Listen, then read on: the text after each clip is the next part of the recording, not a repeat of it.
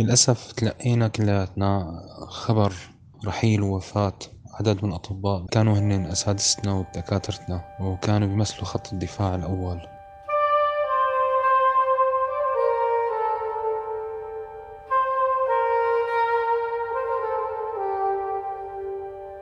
وبينما أنا راقد على سريري في العناية المركزة أكافح كي أتنفس الهواء بصعوبة. وأعاني من ألم رهيب ينهش كل قطعة من جسدي الذي لم يبق فيه شيء غير متصل بأنابيب وخراطيم. أراقب نظرات زملائي من الأطباء والتمريض ما بين خوف ورجاء وتحركات سريعة ومضطربة لتجهيز جهاز التنفس الصناعي لهبوط حاد في نسبة الأكسجين بالدم. معلنا فشل جهازي التنفسي الرباني في العمل. وبداية طريق أنا أعلم نهايته المحتومة طالما شاهدته وأنا الطبيب المسؤول عن علاج هذا المرض اللعين وأستطيع أن أرى نهايته الآن بوضوح.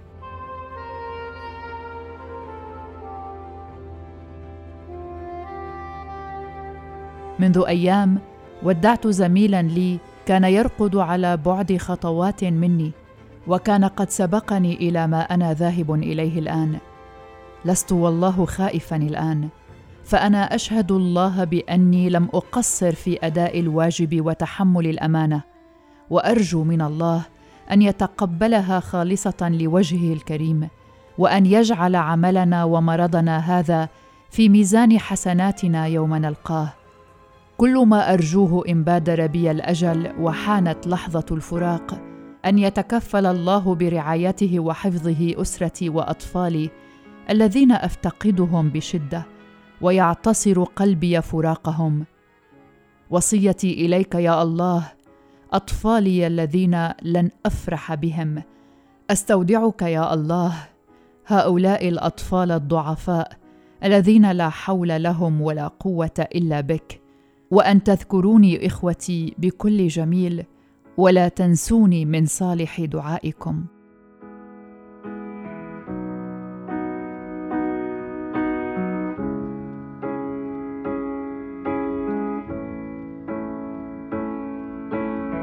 هذه كانت الكلمات الأخيرة لشهيد المهنة الدكتور أحمد ماضي وهو في اللحظات الأخيرة مصابا بفيروس كورونا.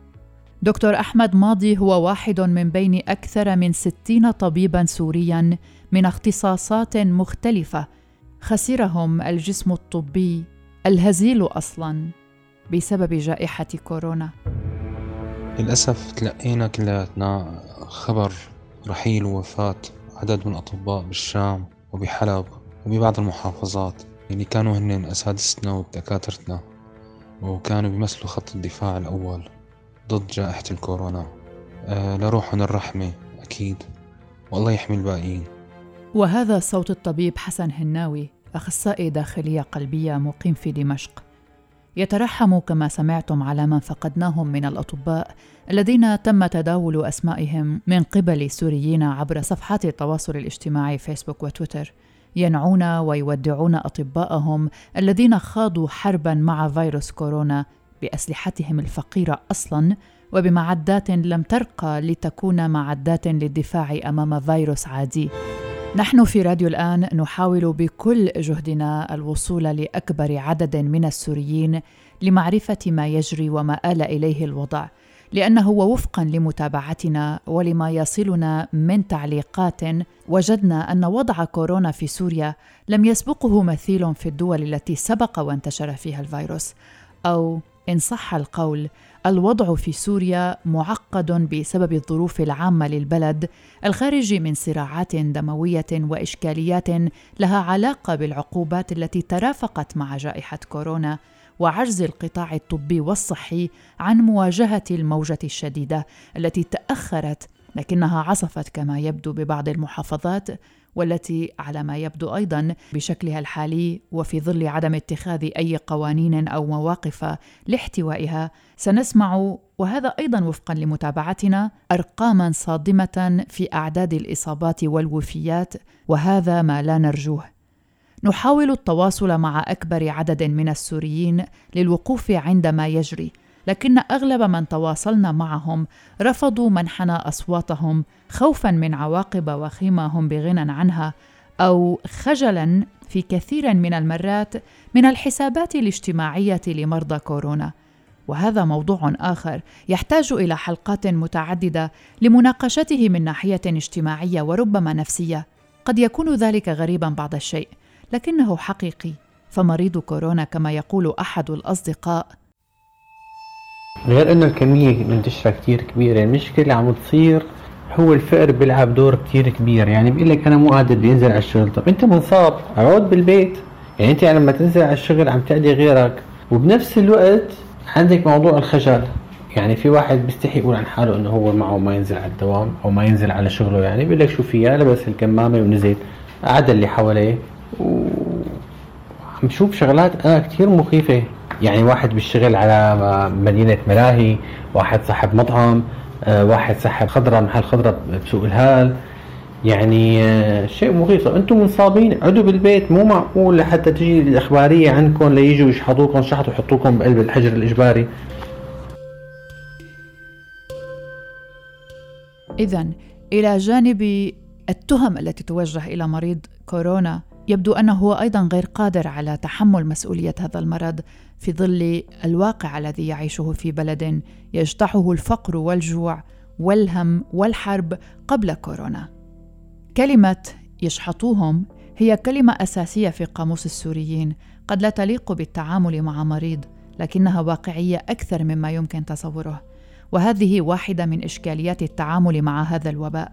فمنذ البداية كان التعامل مع مريض كورونا على أنه هو الوباء. وليس مصاب وناقل للمرض ليس فقط من أهله وجيرانه ومعارفه بل من الجسم المسؤول عن التصدي للجائحة. فقبل تفشي كورونا في سوريا تم التعامل مع القادمين من بلدان اعترفت بتواجد إصابات على أراضيها. تم التعامل مع القادمين على أنهم الوباء. وقدمت وزارة الصحة مواقع ليتم حجرهم فيها في ظل ظروف غير إنسانية. تابعناها عبر ال social media. فقد تحول يومها المحجورون إلى وسائل إعلامية لإيصال ما يجري. وقال أغلبهم إن من لم يصب بكورونا في ظل هذه الظروف سيصاب بسكتة قلبية. على سبيل الدعابة التي تحمل في مضمونها واقعا وحقيقة مأساوية. حصلنا أخيرا على بعض الأصوات أخبرتنا بعض الحقائق. سنسمعها تباعا في حلقة اليوم من بودكاست في عشرين دقيقة. لكني أريد أن نعود للجسم الطبي المتهالك في سوريا والطاقم الطبي الخط الأول في معركة البشرية مع الجائحة.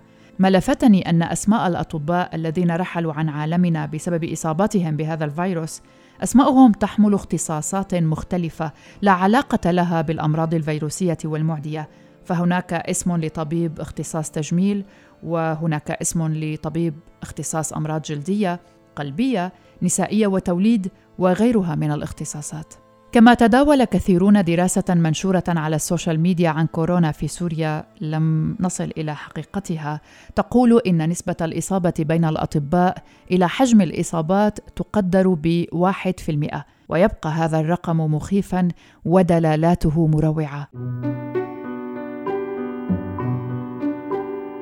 قائمة الأطباء التي نشرتها شبكة أطباء سوريا الإعلامية والتي نعت 63 طبيبا وطبيبة وزاد اليوم هذا الرقم هي مؤشر مخيف.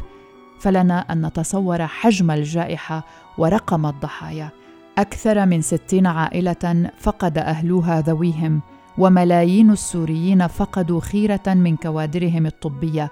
هم بأمس الحاجة لهم في ظل هذا التفشي وفي ظل عجز حكومي وامتناع المشافي الخاصة غالبا عن العمل على استقبال حالات مصابة بالفيروس.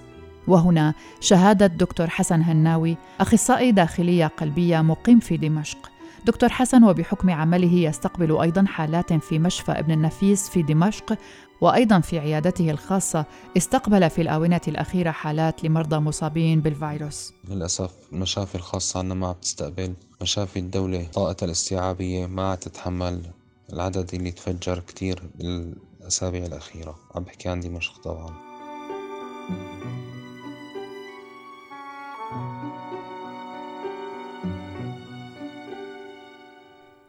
وأمام هذه الكارثة الإنسانية يسعى كثيرون للهرب بأرواحهم من خطر الفيروس وخطر الحجر الذي كان واحدا من أسباب عدم اعتراف الغالبية بالإصابات.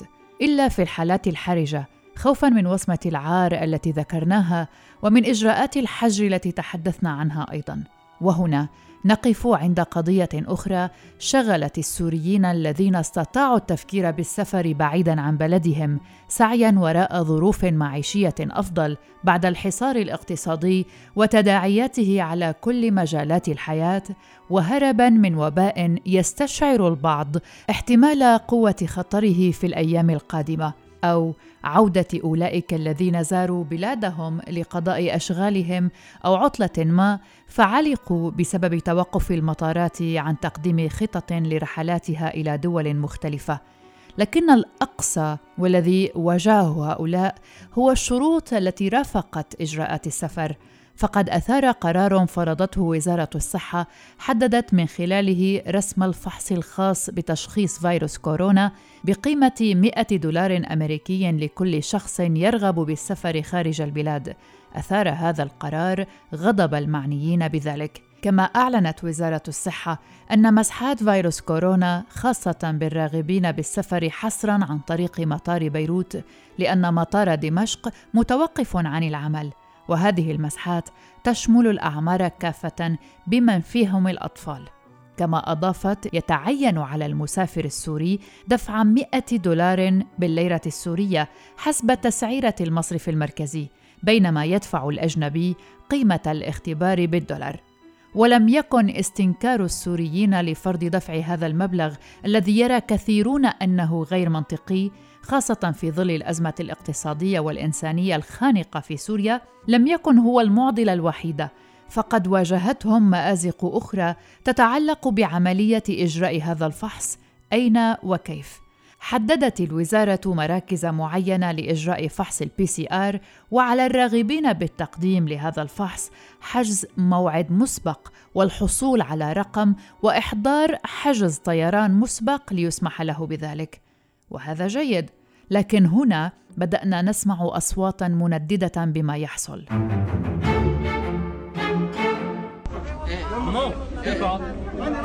عيوني انت هدي هذا الكلام عيب ليش عيب؟ هذا فساد اسمه. عيد هذا اسمه فساد. هذا اسمه فساد. يا ابن الحلال يا ابن الحلال. ما بيصير تعيد ما حلوين. 150 وصل توزع اليوم. مين وسعوا؟ مين وسعوا؟ أنا أنا رقمي أربعة. رقمي اربعه يجيبوا بعد مني نحن فيه اسمه فساد نحن موظفين هذا مقهور يا زلمة مقهور يا زلمة. يا شباب. هذا فساد يا شباب إيه محمد خالد سمعتوا عيب عيب بقى عيب. عيب يا زلمة عيب والله عيب. ما في شيء بقى ما في بقى. هذا لبرا بيكون حضاري أي حضاري من الساعة 3 أنا الحضاري أنا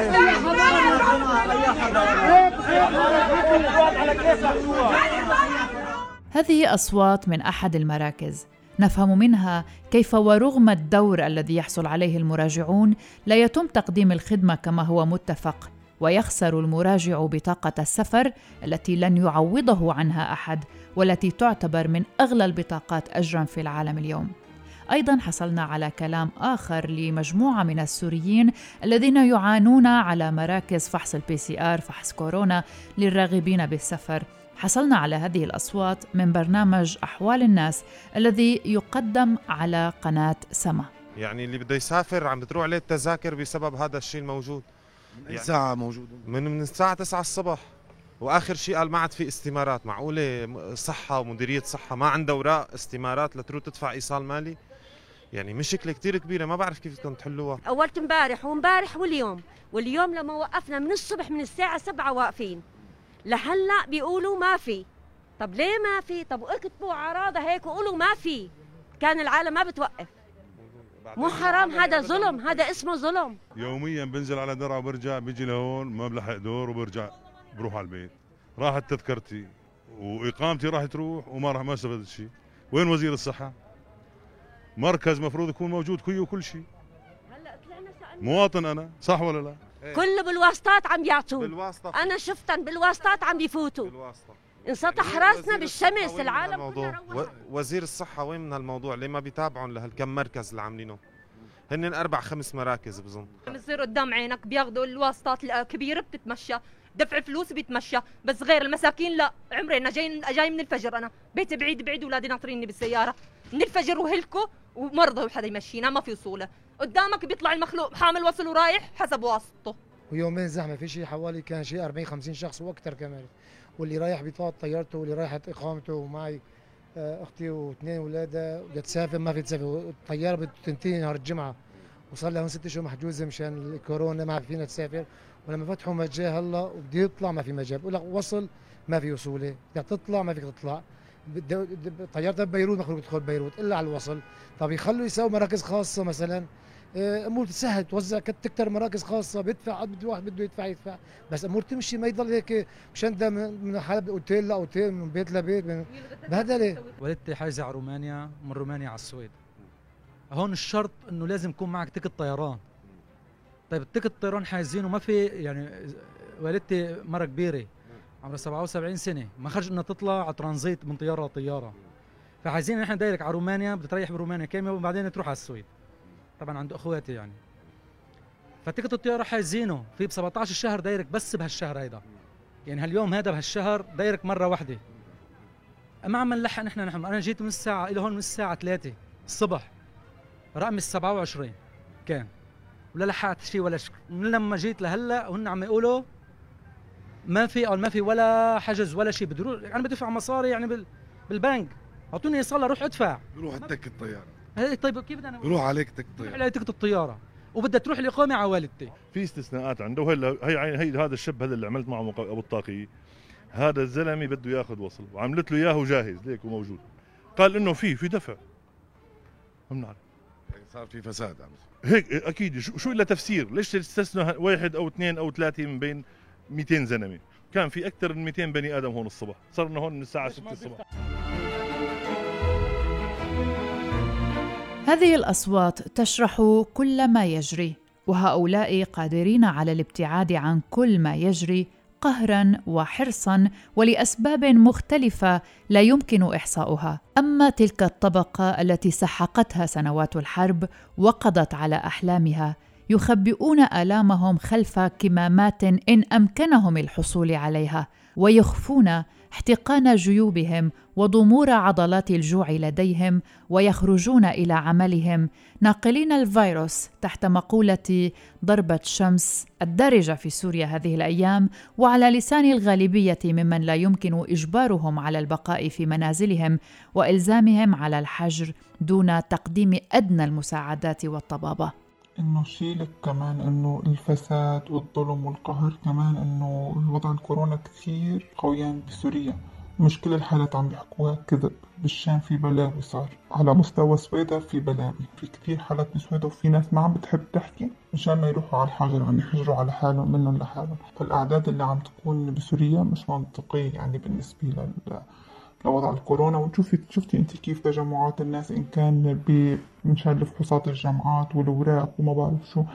فبسهولة رح ينتشر المرض للأسف عندنا. إنه بتساليه بسوريا بشوفيه عم عم مرشح وعم يزعل وحالته حالة. بتقول لك شو بدك؟ والله نمت تحت المكيف. تحت المكيف ولا شيء ثاني؟ مثلا شو؟ والله رايح حالي ما عم بحسن إمشي و- وبتلاقيه عم يسعل وش لك؟ شو بك؟ والله انت اضطريت اطلع اتمشى مو اتمشى يعني طلعت جبت غرض بالشمس مشيت تحت الشمس صار معي ضربة شمس. ولأن هؤلاء كما ذكرنا غير قادرين على تأمين الدواء أو الأكسجين إذا ما أصابهم الفيروس.